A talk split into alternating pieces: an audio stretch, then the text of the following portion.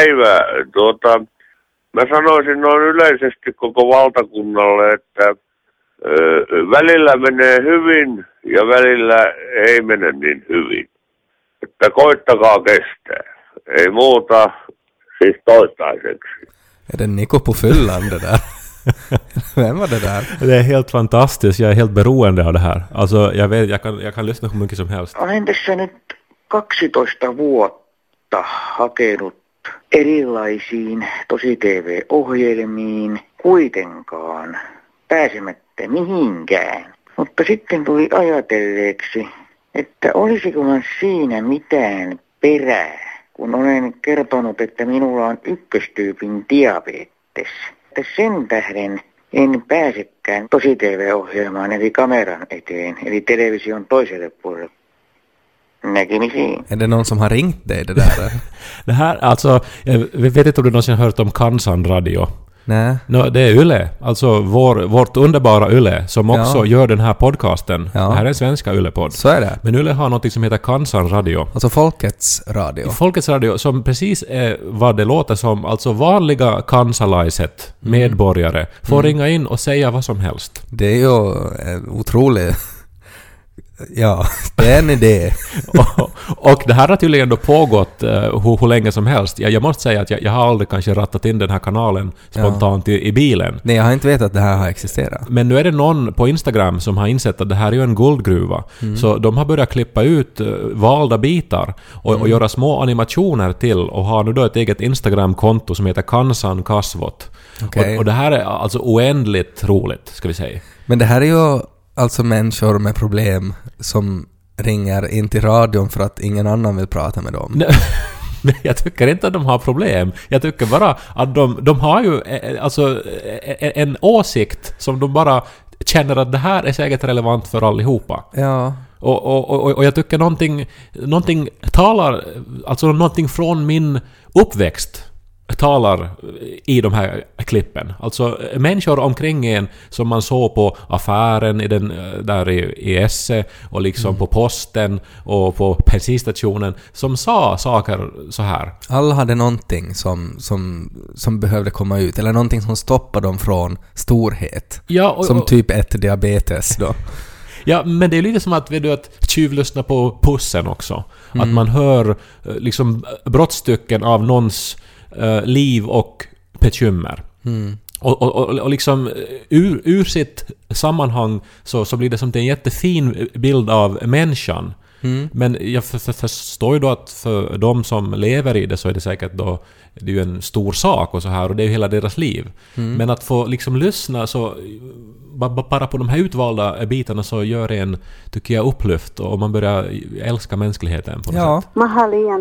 Paha olo. Mä pistän vajaan teelusikallisen ruokasuudaa suuhuni. Ei mene kuin muutama minuutta, kun sulla on kiire vessaan ja sieltä tulee semmoinen törky, että sä et voi ymmärtää, että sun sisällä se on joskus ollut.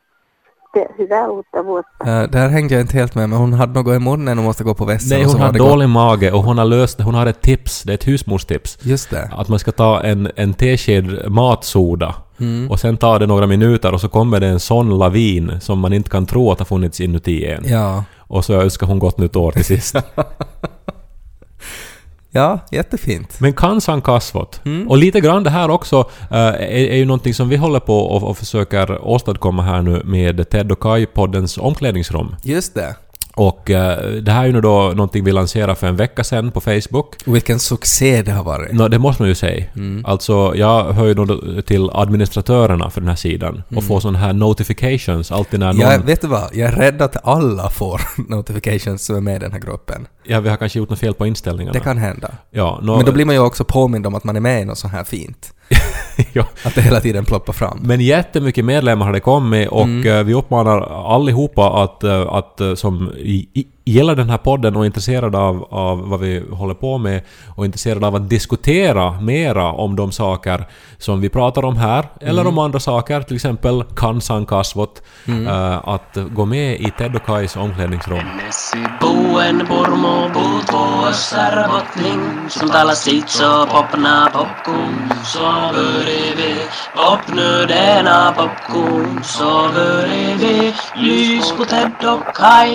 Det är ju intressant det här med vänner och vänskap. Att oftast är det ju sådär att man... En vän är ju någon som man, man väljer att, att tillbringa tid med och sådär. Och oftast så är det ju så här gemensamma intressen som det handlar om. Jag blir ju genast på min vakt här nu. Ja. Vad, vad ska det här leda till? Och, Nej, och det- vad har jag gjort? Nej, du, du, det är snarare vad du, vad du inte har gjort med mig. Uh, någonting som jag ofta har tänkt på, som, är, som är så synd. Alltså att för att vi, vi är ju goda vänner och vi kommer ju jättebra överens. Men att det är ju vissa saker som, som, som vi inte delar. Ja, jag kommer ju genast att tänka på den stora nyheten den här veckan från Beatles-världen. Mm. Jag vet inte hur mycket du hänger med i Beatles-nyheter. Alltså jag prenumererar inte på, på något Ja. så här TV-program som heter Beatles News. Sådär. jag läser ju allting som, Ja. som skrivs under vissa hashtags och, så vidare. Mm. Och eh, nu var det ju en intervju då med Paul McCartney som ju är 76 år kanske, 78 till och med. Har gett ut sin senaste skiva förra veckan. Mhm. Eh, men han eh, intervjuades då om sin relation till John Lennon, alltså hans bästa vän. Tänk att folk är ännu intresserade av det. Ja, nå, det är ju intressant. De är ju nu förstås... Alltså de har ju skrivit mu- musik som, äh, som lever för evigt. Så det är ju någonting speciellt att man vill veta att vad var det just i deras vänskap som gjorde att det blev så här fantastiskt. Och vad sa han då? För nu, borde det ju vara så här You know, we actually never met. Att Nej, det men- borde vara någon sån här stor grej nu då. men, grejen är att han kom ju nu då plötsligt då med, med, med, med helt ny info. Mhm. Så, som ju... Jag vet inte vad det är. Men han b- berättar alltså att han och John Lennon onanerar tillsammans. Varför sa han det? Nå, han är 78 år och Mm. nu säger han det. Eh, och det här, det här är ju... Jag, jag har läst hem Men var det många- sådär att If you listen really closely to the track Helter Skelter You can hear John Lennon masturbating. That's not a hi-hat you hear. Eh, Men eh, det här li- liksom... Alltså dels är det ju så här märklig trivia och att en 78-årig man nu då börjar prata om vad han gjorde i tonåren Nej. med eh, John Lennon. Delvis tycker jag att det är sådär att då har man ju faktiskt sådär äh, funderat på att vad har, vad har jag ännu inte berättat? Ja, men apropå saker som, så, som, som vi inte delar. Ja. Jag tror inte att vi någonsin har onanerat tillsammans. Nej, eh, inte vad jag vet om. Men det var inte egentligen, det var inte liksom det jag skulle prata om. Men jag börjar undra att är det kanske så det blir genialiskt som det blir mästerverk? Men hur var det då med, med, med John och Paul? Det ger ju ny innebörd till I want to hold your hand också. Eh, och, Verkligen. och till help, I need till- somebody. Och Yellow Submarine. Ja, Är det inte, är det, finns det inte något så här som heter docking? Finns det inte något sånt? Ja, no, ja, Något med förhud? ja, Mm. men det, ja. Ja, Jag förstår inte att det nu blev konstigt. jag försökte bara föreställa mig hur den här barnlåten Yellow Submarine skulle kunna handla om docking. Men finns det inte så här Maxwell's Hammer ja, också? det finns en sån också. Ja. Och Come Together, Ja. right now, over me, herregud. Otroligt äckligt! Ja, tänk det. Och nu först får vi veta vad de här låtarna egentligen Men i handlar om. vilken, alltså n- när han då pratade om det här, så i vilket skede var det? Alltså var det just så här att, att de fick sina bästa idéer då, eller att alltid när de har skrivit en låt så for de och gjorde det? Nej, alltså det här Och var det så att Ringo inte fick vara med? Alltså det, var bara... Alltså inte bara de två i rummet utan det var också andra som han inte sa namnet på. Så det, det måste ju ha varit... Nej, nå- men resten av Beatles Nej, de var tydligen inte med. Utan det var John och Paul, ni med Noman. Okej. Och, och det här... Ja, men det är ju bara märkligt att det här kommer fram nu efter alla hundratusentals Beatles-biografier och allt man har läst så är det som nu kommer ny info och så är det som det här. Kanske har han i alla intervjuer så har han alltid tagit upp det här men att ingen har liksom skrivit ner det. att alla var så att jo, jo, vi vet ni runkar tillsammans men det är inte det som är intressant. We can work it out. Ja. Också en fin Beatles-låt med ny innebörd. Men det var inte masturbation som jag skulle prata om. Nej. Men att någonting som påminner om det där, alltså saker som man gör tillsammans. Och det här är någonting som nu har blivit kvar som jag har funderat väldigt mycket på från föregående avsnitt. där du då äh, sårar såra mig genom att prata om, om det här att jag är så omusikalisk. Ja, jag måste säga att jag, när jag lyssnar på avsnittet sen, eh, alltså vi spelar ju in och sen så klipper du och sen så brukar jag lyssna och ge kommentarer. Ja. Och då kände jag faktiskt så här att jag hade missat att du säkert tog illa upp där. Ja. Och, att, och, och att jag kanske borde ha skrivit ett sms, bett om ursäkt, frågat om allt är okej. Men det gjorde jag inte. Nej, det gjorde du inte. Och det är också intressant sådär att att jag då som, att om jag tar illa upp så ska jag sen sitta och klippa det där och försöka få dig att låta så bra som möjligt medan du förolämpar mig. Ja, men det gjorde du ett bra jobb med. Det, det var jag skicklig på. Men det som jag då började fundera, att finns det något liknande för mig? Alltså någonting som jag upplever att du inte delar. Som jag skulle jättegärna vilja dela med dig. Jag kan inte tro det. Ja, men det finns en sån sak faktiskt. Jag skulle säga att eh, det är ju som i vår eh, relation så är det ju du som på något vis äh, står för det här, vet du, vet du att du vill stänga in saker. Alltså du vill, du vill avsluta saker medan jag vill... Exp- alltså du du vill... Ja, jag vill expandera, du vill implodera. Vad betyder det? No, att du söker dig inåt, jag söker mig utåt. Jag, jag, jag, jag försöker lära mig nytt, ta in nytt. Du vill nörda ner då? dig i det som alltid har varit. Ja men nu, det där är ju också en förolämpning på något sätt, att, att bara för att man nördar ner sig, att man inte liksom lär sig nya saker. Det är bara olika ingångar till kunskap. Jo, jo, men när det då har hållit på x antal år så, så, så menar jag att, att då, då har väl jag eh, en större uppsättning Jag har varit med i en verktyg. annan podd. Jag har varit med i en annan podd. Jag har varit med i 85-95-podden. Du vet. Ja, Tage och, och, och Jocke. Ja, Om film. ja, handlar om filmer som är mellan eh, 85 och och 95. Och eh, de hade ett avsnitt om rollspel. Och jag var med där. Men vad har det att göra med film från 85 till 95? Eh, för det var ett actionfilm, rollspel. Där man skulle rollspela som en actionfilm. Ja. Och, eh, och det var jätteroligt. Det var Ja. jättekul. Alltså att, att få liksom rollspela med sina vänner. Eh, vi kan lyssna på ett litet klipp. Medan de står och skjuter och försöker hitta på ett bättre sikt på honom, mitt i att se honom ett duns bakom sig och bara damm. Kameran backar ut och då ser vi en jätte av en man rakt bakom dem. Och den karln säger bä och tar i båda dems huvuden och slår ihop dem och hör ett och de faller ner spladask. Jag vill bara inflika att jag var inte riktigt beredd. Men om du, för, du hade för, du hade ju kommit jag, någonstans tror, ifrån. jag, jag tror jag hade väl nog kanske tänkt ut något bättre men sen i stundens hetta. Märkte du hur vi skrattade allihopa? Ja, eh, jag vet inte, men det är ju i såna här sammanhang som den här... eh, är inte det här, vet du, sån här toxisk manlighet, det är inte just där det föds. Liksom när tre såna här ultranördar kommer samman i ett slutet rum. Det var ju en kvinna också det. Det var tre toxiska män och en kvinna. Hörde vi henne just? Vi hörde hennes skratt. Nåja, no, men ni verkar ha haft kul Det var ihop. jätte, jätteroligt. Och framförallt det här intresset för rollspel och intresset för sådana här nördiga grejer som är ju en stor del av mitt liv. Som du totalt, alltså inte bara att du saknar utan att du på något sätt saknar totalt förståelse för det. Nej men jag är ju så här alltså... Men du ser ju ner på det. Nej men det är ju lek, alltså sånt man sysslar med som barn. Jaha. Att du ser ner på det helt enkelt. Nej men inte kan ju en vuxen medelålders man sitta och, och leka med sina vänner på det där sättet. Därför så tänkte jag att som en sån här rolig grej som vi skulle kunna göra är ju att, att du och jag skulle ha ett litet rollspel. Men det är ju en otroligt dålig idé. Och, här, och utmaningen här för mig var att, Här och nu. ja, att vi skulle improvisera ihop ett litet rollspel.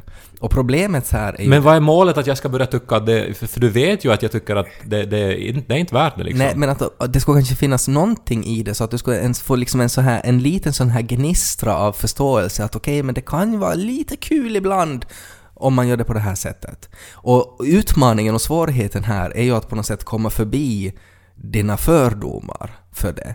Och, och det som är bra med rollspel är ju att, att det kan ju handla om precis vad som helst. Och det gäller ju på något sätt här att hitta en, en miljö eller en setting som, som du skulle gå igång på. Och här går det ju inte nu liksom att, att det är liksom drakar och demoner, alltså något sånt, eller 80-tals actionfilmer, att det går ju inte. Um, så jag tänkte att, att kan inte vi liksom improvisera ett litet rollspel på en, en tysk bög technoklubb? Men alltså så det går att bara ta vilken miljö som helst. Det, det är ju det som är grejen med rollspel. men nej, det är olika så här regler att man måste skapa en karaktär. Jo, men vi kan skapa, vi skapar en tysk bögkaraktär åt dig. Jaha. Och så går vi in på en, en tysk bög technoklubb. Och så har vi ett litet rollspel där och så ser vi vad som händer. Men alltså det här går att göra nu då? Ja. Rakt upp och ner här. Man måste inte klä ut sig nu då? Nej, nej, nej, det är det som är grejen med rollspel. Du, du blandar ju med LARP nu, som är live action role playing game, där man faktiskt klär ut sig. Det behöver du ju inte. Det är ju det är just det här också för att du är ju författare, du tänker ju hela tiden i historier och karaktärer. Ja. Så det borde vara ganska lätt för dig. Ja, no, okej, men mm, kör för all del. Men alltså som sagt, jag är ytterst skeptisk och det vet du. Så det här är ju uh, som dödfött ännu. Jag ska bara hämta mina tärningar.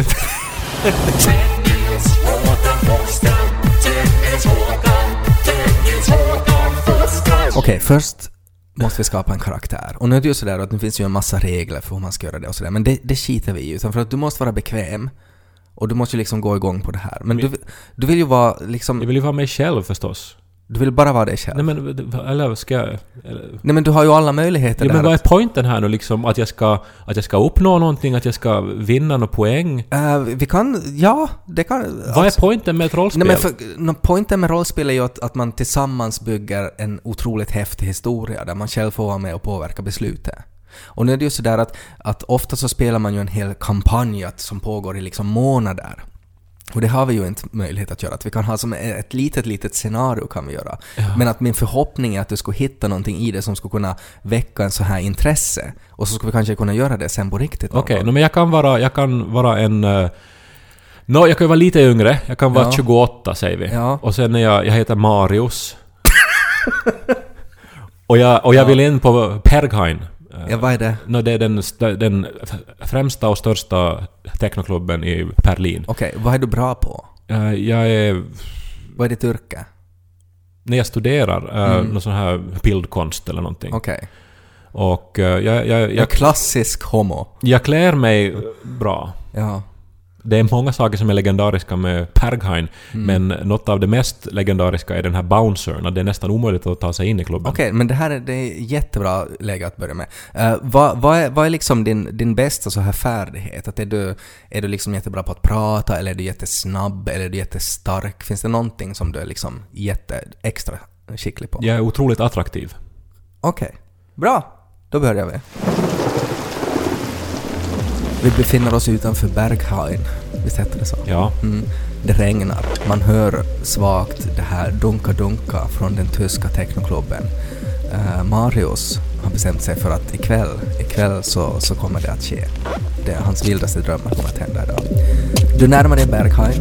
Du går till en, en eh, annan entré. Du går förbi kön och så finns det en annan entré där just den här ökände bouncern står och väntar. Vad gör du för att komma in? Nå, jag ser honom i ögonen och eh, jag har ju eh, under de två timmar som jag har köat så har jag ju tänkt ut en strategi. Ja, vad är det för strategi? Nå, att jag ska ju vet du, använda att jag ser väldigt bra ut, Ja. att jag är väldigt attraktiv, för de vill ju ha attraktiva människor dit in. Men de vill inte bara ha attraktiva, Nej, utan de vill ha en bra mix, vet du. ja. Så att jag måste också på något vis visa att, liksom, att jag har potentialen att vara attraktiv, men, men att jag använder inte. Jag kanske är inte medveten om att jag är attra- attraktiv. Okej. Så jag, jag, jag typ ser honom i ögonen och eh, gör en sån här ganska ful min. En ful min. Med så här uttråkad, så här... eh. Okej. Du, att, jag, att jag använder inte vet du, mina perfekta läppar Nej. och, och mina kindben. Nej, du bara liksom ger honom en blick. Ja, Ungefär som att han, han borde genast förstå vad, vad tanken är. Han står och röker en cigarett och han tittar tillbaks och ger dig en, en blick som ungefär betyder att va? Vad menar du? No, men det är ju han som måste välja nu om jag ska in eller ut. Inte kan jag ju göra någonting, ja. Nej men du kanske måste signalera på någonting på, på något annat sätt att, att det är faktiskt att du vill gå in. No, jag säger då, ich will tanzen und, und ficken. Okej, kan du slå en tärning? Här, det, det, det är 20. Kasta. Du fick 17? Vad betyder det? Okej, nå, alltså du, du sa att ich vill tansen och eh, han drar sista bloss med cigaretten, uh, strittar bort den och så lyfter han på repet och säger att välkommen in. Så jag kom förbi bouncern. För du var så otroligt snygg och du hade så jättetur med tärningen. Men vad skulle ha hänt? Du skulle ha kommit en trea här. Det är väldigt... Nej, då skulle ni ha, då skulle ni ha måste hitta på någonting annat, då skulle ni inte ha kommit förbi. Då skulle ha måste kanske, inte vet jag, slå honom på käften eller, eller så här att, att uh, was is das? Och så skulle han ha tittat förbi och så skulle han ha sl- slunkit under repet eller någonting. Men du hade jättetur. Okej, nej men då är vi inne då. Ja, nu kommer du in dit. Eh, här är det fullt med folk, folk dansar, det är liksom världens fest. Eh, musiken är jätte, jättehög och eh, du känner att du är törstig. Ja.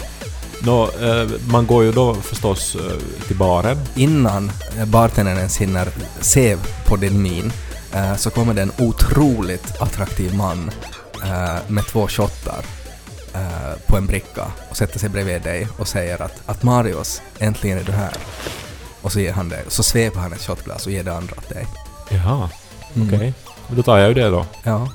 Och han viftar åt bartendern och, och visar med fingret två, två likadana till. Men det här är ju perfekt. det här går ju alldeles för lätt. Ja. Ni sveper varsin shot igen. Han tittar dig djupt i ögonen och så säger han Marius, jag, eh, jag behöver hjälp. Alltså det här låter ju som en sexfantasi. men Alltså, vill du att vi ska onanera här nu? Är det det som är din, ditt, ditt mål med hela det här rollspelet? Hilfe mich Marius, viskar han. Ja, säger jag. Du säger att du vill hjälpa honom? Ja. Okej. Plötsligt så blir allt svart. Alltså musiken tystnar och lamporna släcks. Och det blir en så här konstig stämning att vad är det som händer? Och så börjar man höra pistolskott i tamburen.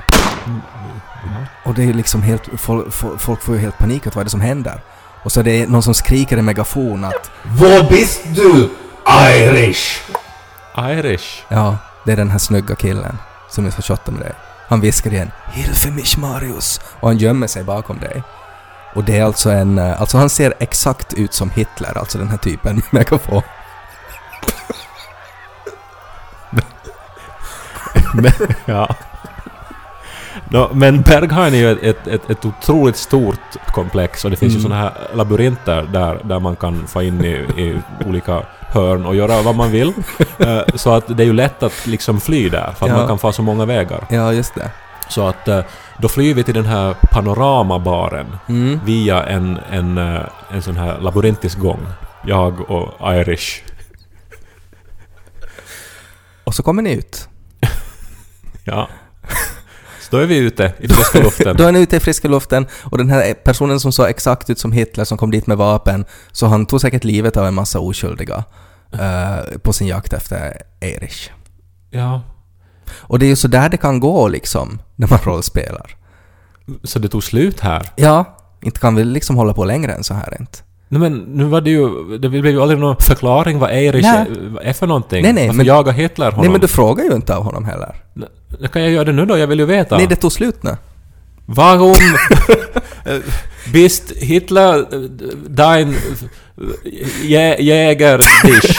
det, det är ju det där som är så roligt med rollspel, är ju att man får ju inte svar på någonting om man inte ställer de här frågorna. Nej men det visste ju inte jag. Och, du, och att du bara på något sätt utgick ifrån att, att Irish var den som, som behövde hjälp och sådär och att han kommer med dig han kan ju ha satt vad som helst i drinken som du drack. Men det här är ju jättekonstigt nu. Ja. Alltså, inte är ju det här... Alltså, det är ju helt godtyckligt om det bara är så här att du hittar på vad som... men för att och sen är det slut när det men blir för intressant. att nu... för att nu kunde jag ju inte hitta på något mera, men det, det på något sätt det som jag ville visa var att, att det som är grejen med, med rollspel, som är till skillnad om man till exempel läser en bok eller någonting, att du får inte reda på någonting om du inte faktiskt ställer de här frågorna själv och faktiskt funderar att, jag menar att, att hur blir det bäst om jag gör det här och man måste tänka på konsekvenserna och allting. Och då hänger det ju förstås jättemycket på att vem det är som berättar vad som händer och sådär. Men skulle jag ha gjort det här på riktigt så skulle jag ha funderat ut en massa möjliga strategier och, eh, och, och, och möjliga saker som kan hända och sådär. Men det som är det roliga är att man alltid sen i efterhand är sådär att shit, varför gjorde jag inte sådär? Och det är ju det som är det roliga tycker jag. Ja, nå, inte vet jag nu om du fick ändrat på min bild av rollspel Nej, som ja- någonting som... Alltså då får man ju hellre till Pergheim på riktigt. Och uh, möta den här pouncern, ta sig in, se det här havet av män i bar överkropp som Ja. dansar till den bästa technon som finns på Men, hela men planeten. sen om man till exempel eh, har ett rollspel som är i en fantasymiljö, så det går ju inte att göra på riktigt. Men kära någon. Jag bara tänkt så här att om du försökte liksom nu mildra upp mina fördomar så att jag skulle som eventuellt då möta dig också på det här planet i livet. Nej, så jag bara tänkt hur roligt det skulle, eller hur skönt det skulle vara om det att du inte kan sjunga bara skulle ha att göra med fördomar. Att du liksom bara skulle ha fördom mot sång. Så att jag skulle bara kunna som på något vis övertyga dig om att det ändå är helt okej. Att det är bara en attityd som jag har.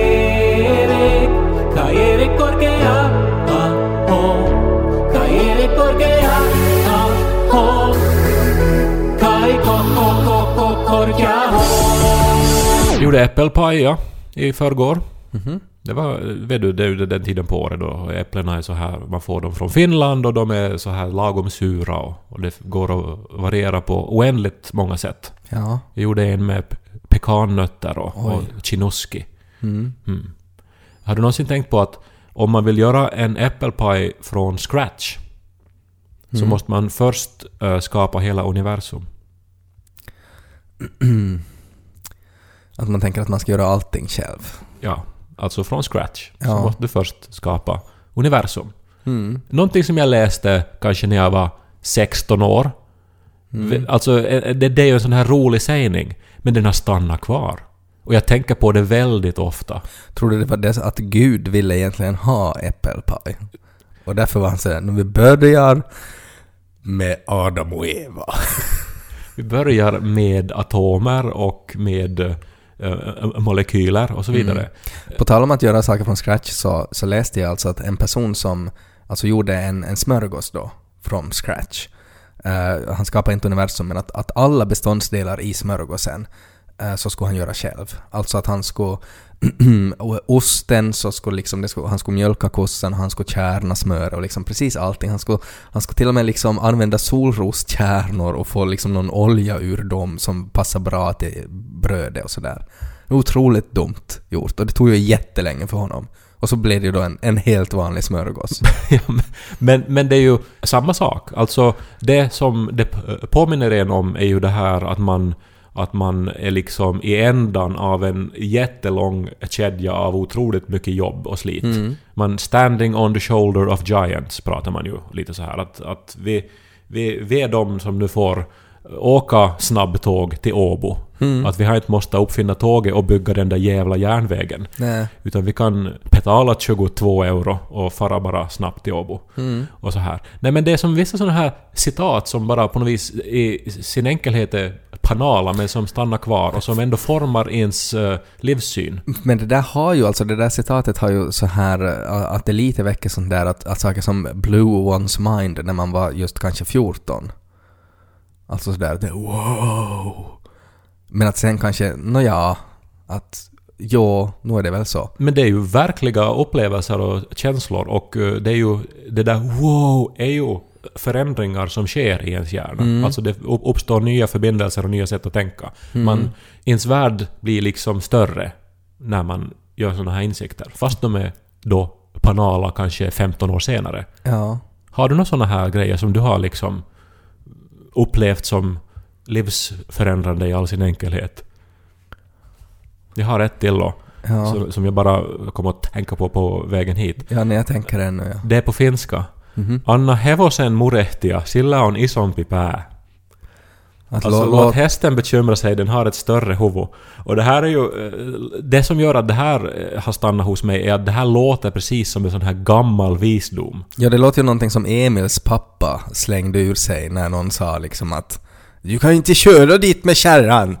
Men det är som en hälsning från en enklare tid när man eh, hanterade eh, svåra känslor på ett sånt här Mm. väldigt praktiskt sätt. Och hästen var en sån här symbol som alla på något sätt hade ett förhållande till. Ja, och man hade ju på den tiden, givetvis så var det ju en på många sätt mörkare värld, man mådde sämre, man eh, levde inte lika länge och så, och, och så vidare.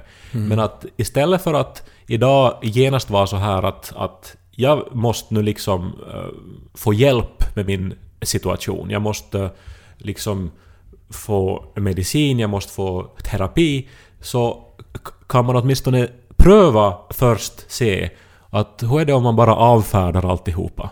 Med att nu är det hästen som borde bekymra sig, för den har mycket större huvud än jag. Men det du ju pratar om är ju alltså aforismer på väggborna där.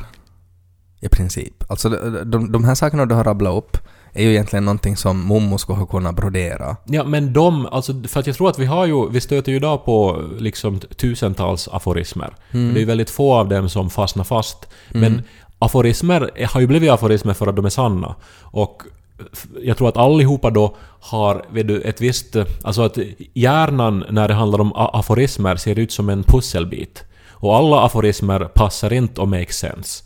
Men det finns några då eh, specifika som passar exakt som pusselbitar ihop med ens hjärna och de stannar kvar och förändrar en.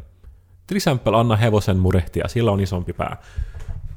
Men är det där ett talesätt då? Jag vet inte, jag har läst det någonstans och det var bara som att ja men så ska man tänka. Att liksom... Men det, det, det där betyder är ju på något sätt att det lönar inte sig att grubbla. Att det spelar ingen roll. Ja, det, det är ju i princip vad det är. Men det är ju också hur man eh, säger det. Men vad betyder det här då att, att för att göra en apple pie eh, from scratch, vad, vad heter det på svenska from scratch? Från noll, från, från grunden. Jag vet inte. Ja, men för att göra en apple pie från grunden så måste du uppfinna universum. Vad, vad betyder det?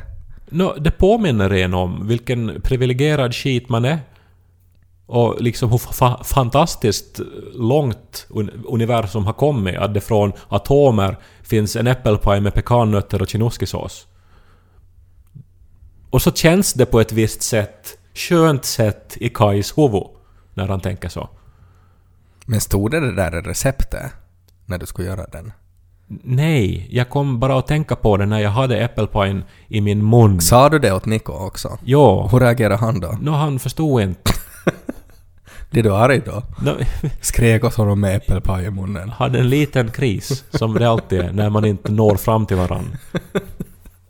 Jag tycker så synd om Niko. Vad, vad jag tycker du om det här då? Find what you love and let it kill you. Ja men det är ju inte sunt.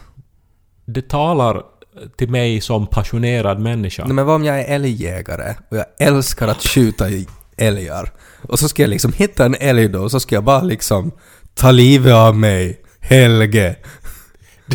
Det är ju inte alls så. Ja men om, om Find What You Love, jag älskar att, att mörda djur och så, så ska man liksom hitta då och så ska man bli riven i bitar. Nej men om du älskar, alltså det, det, det handlar ju inte om en specifik hobby, det, det handlar ju om passionens natur. Alltså när man hittar någonting som man verkligen går igång på. Och nu tror jag det här, det, jag tror det är ett citat av Charles Bukowski. Sex, så- samma sak. Sex eller eh, knark eller alkohol. Ja men Alltså, varför, varför ska man låta det döda en? Varför ska man låta passionen ta Därför att överhanden? passionen dödar. Om man inte kan kontrollera den. Och det kan inte man vara säker på att man kan. Det borde ju vara find what you love and organize your life so that you can do it as much as you want to.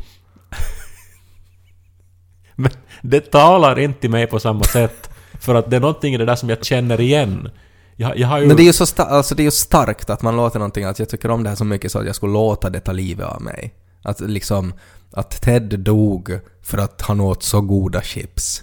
Att det är på något sätt det man är ute efter och det tilltalar ju Men du tar så här konkreta exempel. Ja men det, så måste man ju, det är ju den befattningen man får av aforismer, att man måste ju konkretisera dem. Men har du aldrig haft destruktiva liksom beroenden?